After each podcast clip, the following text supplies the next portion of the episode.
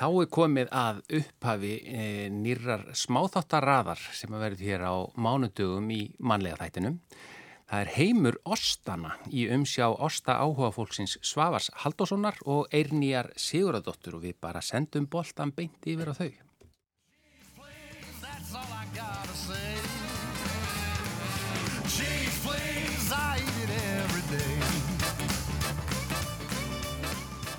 Þetta er heimur Ostana, fyrsti þáttur í fyrstu þáttaröð. Ég sjálfur, ég veit eitt og annað um mat. Ég hef það sem stundum er kallað yfirgripsmikil yfirbústekking, en ég er ekki sérfræðingur. En þú er ný, þú ert sérfræðingur í ostum.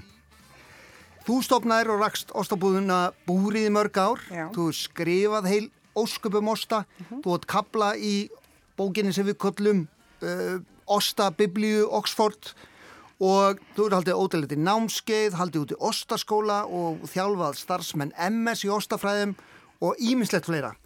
En uh, það sem að kannski við ættum fyrst að ræða áður en við förum lengra Já. og dýbra inn í heim Ostana, Já, já. hvað er Ostur?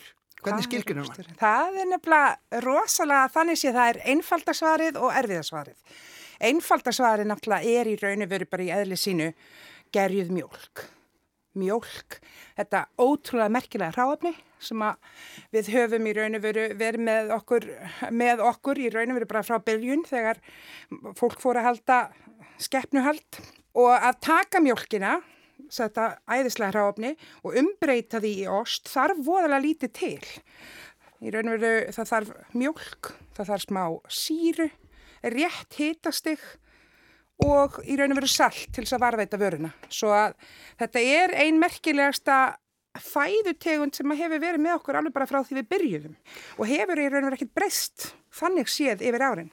Og við í þessum ágæta þætti, Mhm. heimur Ostana, við ætlum aðeins að opna dálítinn glugga inn í þennan heim og Já. reyna að, að útskýta dálítið þessa merkilegu veröld sem ostar eru Já. fyrir fólki og það er kannski rétt að, að minna á það að við erum með fésbókarsíðu Já, og þar ætlum við að setja dálítinn fróðuleik og myndir og, og svo framvegis, einhverja móla. einhverja móla Já. en uh, hafa ostar alltaf verið til? Sko heimildir sín okkur það að 12.000 fyrir Krist uh, eru til skriflegar heimildir á einhverjum steintöflum um einfalda það sem við köllum ferskosta, einfaldasta tegund af osti. Í raun og veru það sem er verið að fella út prótín, uh, fytur og sigrur frá sem sagt, vatslutfalli mjölkurnar. Svo jú, þeir hafa í raun og veru fyllt okkur frá því við gerðum okkur grein fyrir því að við gætum verið í, í, í, sagt, í samvinnu við dýr án þess að í raun og veru að drepa þau til átu, að við getum nýtt afurður úr þeim. Svo jú, jú, saga ostana er mjög löng og ef þú horfir á öll trúarit í heiminum, hvað sem það er Biblian, Kóran, Hómers, Kviður og, og fleira, þá sjáum við náttúrulega rosalega mikið af skriflegum heimildum um osta og hvort að þetta náttúrulega byrjar að þróast af slistni og svona náttúrlega uh, á mörgum stöðum í einu, það, ekki, það er ekki að svo sem að segja að það sé einhver einn grunnur. En þarna, jú, þetta, þetta hefur eiginlega alltaf fyllt okkur. Svo er líka, svo er líka svolítið merkilegt að, að ostar hafa haft og mjólk alveg gríðarlega áhrif á heimsöguna og, og eh, mongólar sem að byggðu risvaksi heimsveldi Já. þeir byggðu það miklu leita á því að þeir, þeir uh, riðu hestum, hrissum Mm uh, og drukku mjólkina Já. uh, og þurftu þar alveg ekki að vera með, með, með mikla og, og þunga byrðavagna Nei. með hernum þannig að herin fór hratt yfir og, og auðvitað á þessum tíma var það þannig að hvert ríkið að borgríki var með, var með varðmenn sem að letu vita að það kom óvinna hér uh, þeir riðu þeir sér eða tilbaka og segði herin er að koma. Þá var farið undibú allt brína sverðin og hýta ólíina og, og draga það sér byrður og svo framvegis.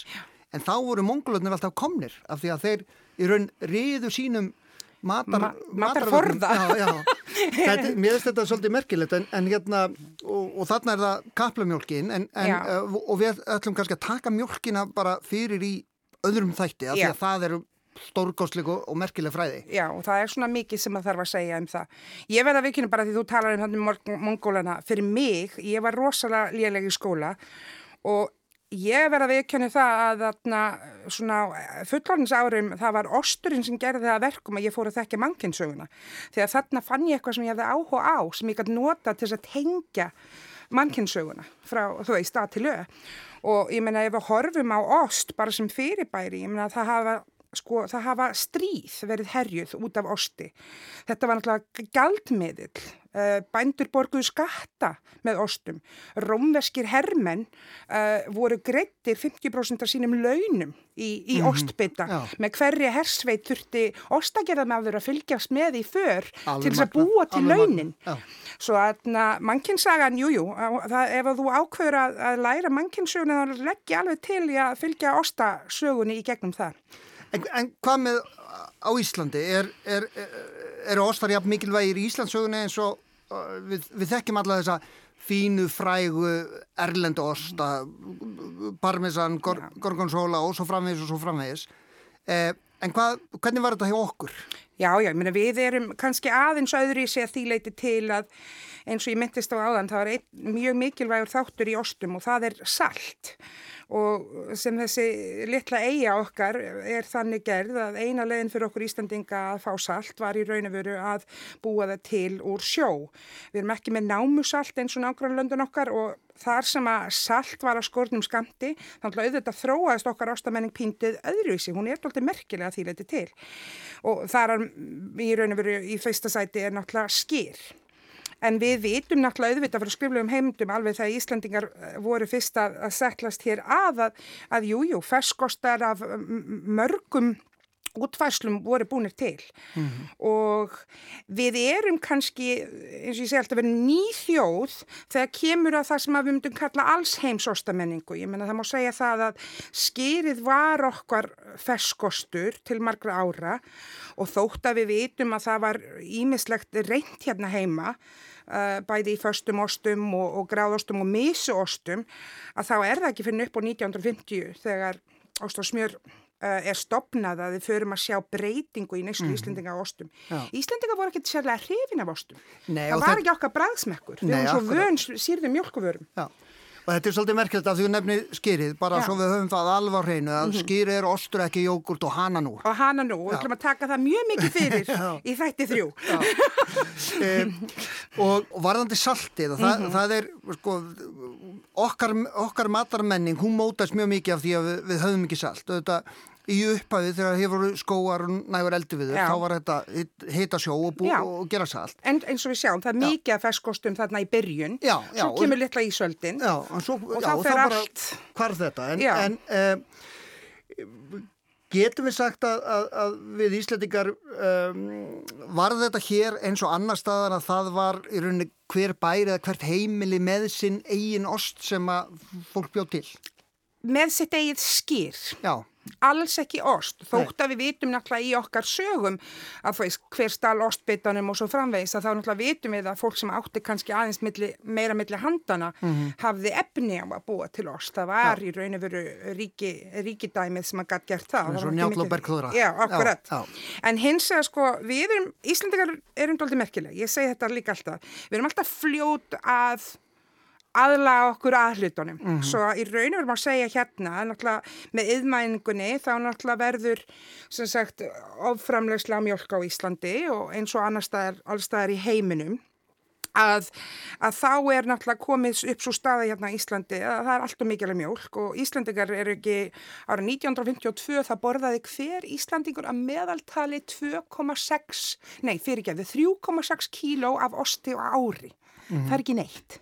Nei. Það er árið 1952 og það er bara lagt í það ferli að nú skal Íslandingurinn læra borða ost og það voru kynningar í körbúðum og það var sko bara, eins og ég segi þetta var bara eins og góð íkjæðherferð, það var bara -hmm. sett sér markmið og frá 1952 til 1986 það jógst neistla Íslandinga frá 3,6 kíló upp í 14 kíló á mann á ári og ef við horfum á núna og við erum ekki að taka túristan inn í þessa tölu. Mm -hmm. Meðal neysla Íslendinga í dag er 28 kíló af osti á ári á mann. Það er nú um það byrj með því mesta í heimið, ekki? Við erum fjörði hæsti Já, neytundur. já. Þetta litla land er fjörði hæsti neytundur af ostum í heimi Já. og í, fjörð, í þriðja sæti fyrir ofan okkur eru frakkar. Svo við erum bara þarna uppi. Það sem er samt doldið skemmtilegt þegar við förum að hugsa um hver gæti mögulega að vera í fyrsta öðru sæti. Fólk heldur Amerika, Svisslendingar, svo framvegs og framvegs. En það er í raun og veru sko Tyrkir og Gríkir. Já. Því að þarna er þessi forn menning og hefð fyrir einföldum ferskostum og ostum í öll mál en þá lifandi í dag. Og þetta er auðvitað, er svæðið þar sem að sko, ostanir komið frá upphafið, Já. þó, þóttu vitum það auðvitað ekki Já, nákvæmlega. en svona, jú, En jú, það er- Frjósemi já, hálfnám, akkurat. mánin, Tyrkland, Greikland. Já, akkurat. Veist, miðjararhafs löndin í rauninu veru. Já. Svo að það er doldið skemmtilegt að horfa á þetta út frá því að við Íslandingar við erum ágætt í ostaneyslu Mhm. og, höfum ekki, og það er ekkert endilega nýtt fyrir bæri. Þú sér það að eh, við tölum um skýrið og við tölum um svo, eins og segi, þessa ostamenningu sem að myndast upp á 1950 Mhm. en svo verum við ekki að gleyma því að Til dæmis hérna um aldamóti 1900 þá voru verslanir hérna í Reykjavík að flytja inn í tonnatali, mörg tonn af erlendum ostum. Hér í kjörbúðum bæjarins var hægt að kaupa sér grýjar og emmentaler og stilton og þessi fínu osta sem að svo fara í þetta innflutningsbann og við hugsum á 1986 fyrst fengum við að fá erlend ost- osta aftur.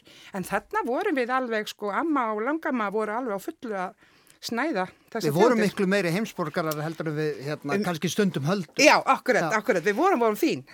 En við ætlum að fara í næstu þáttum. Mhm. uh, í þessari þáttaröðu erum við að tala um, um, um áttaþætti. Við ætlum að fara yfir kvítmiklóstana, ferskósta, rauðkítisosta, gráðosta og svo framvegis og já. kannski dýbra aðeins ofan í hvern og einn af þessum frægustu ostum. Já, En uh, samt bara dropi í hafinu. samt bara dropi í hafið og, og uh, við gætum auðvitað ábygglega tala í mörg hundru klukkustundir. Já, já, ég get alveg gert það. En það eru til sko þúsundir tegunda af ostum Já, og ég hef aldrei smakkað ost persónlega sem að mér finnst ekki góður. nei, nei, akkurat, það kannski, það kannski ekki upp að halda en, en að segja hann sé vondur er í raun og veru vola erfitt fyrir mig líka. Og ég meina við erum að tala um það sko, ef við svona horfum á þetta, það er skráð 4000 tegundir af ostum í heiminum. Já. Það er skráningin. Já. Og fyrir hvert, þú veist, ein, einasta ost sem er skráður, þá eru fjórar, fimm litlir sveitaostar, Já. Mhm. fjallaostar upp á bóndabæ sem er ekki eins og komin í neyn rit. Já, já. Svo, jú, jú, þetta er náttúrulega miklu meir en það.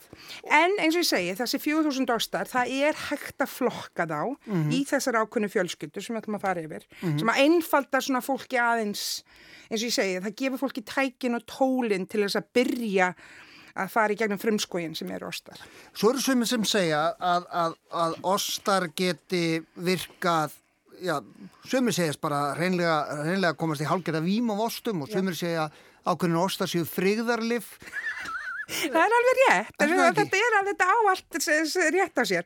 Ég meni, ég oft, ég, því ég var með ostaskólan, þá náttúrulega nefndi ég námskeiðin mín Osta Ást, 101 og 102 og það er beinvísun í fortgrist orð, túrófilja, fortgrekkir, þeir vissu alveg eh, hvað þeir elskuð ostana mikið því að túró er ostur og fylja að elska og það er alveg, þeir vissu í raun og veru þá, það sem að vísindin eru bara rétt að byrja að sanna núna og það er tvíþætt, það kemur ostum og þetta á sérstaklega vel um þroskaða osta. Það eru ákveðin efni sem að myndast í sérstaklega þroskuðum ostum, meðal annars eitt efni sem við þekkjum vel, fenni-flenni-þalamin, ef ég segi þetta rétt, sem að er þessi gleðigjafi sem hefur áhrif á endorfinn og serotonin í heilanum og við finnum oft í dökku súkulaði, það er talað um að maður er svo ánæður að borða dökkt súkulaði. Það er tíu sunni meiri fenni-flenni þalamin í, í Parmigiano til dæmis. Og heyrið það, heyrið það. Tíu sunni meira heldur í dökku súkulaði. Þetta líst, þetta líst mér vel að nú veitum við strákarnir hvað verður á, á borðum í kvöld. Já, en, en sérðu líka, þú var að horfa þetta, þetta er ekki að eina. Svo er núna, nýjastur ansvörnir að sína, það eru önnur efnasambönd sem finnast sem að geta verið jafn ávanabindandi og heroin í réttu magni. Jú, jú, þú þurftir eflaust að borða bilfarma vostum. En ef þú hugsaður um þetta tvent, þetta er ávanabindandi vara, þetta veitir þér vel í þann, þú bætir smá víni með og slakar aðeins á ef þú ætlar nú að komast á sjans skilur þá er þarna uppskrift að eintómri eilifri hamingu. Þetta, þetta hljómar mjög vel. Ásta eh, ástin lengi lífi. Já, við ætlum að heyra áfram alls konar förðursögur og, og, og fyrrnindi og fróðleg og skemmtilegheit í, í næstu þáttum en við ætlum að láta þessu loki núna. Mm -hmm. Við erum í hverjum, hverjum í bili Já. og segjum takk Já. og sjáumst mjög fljótt. Mjög fljótt og ásta ástin lengi lífi.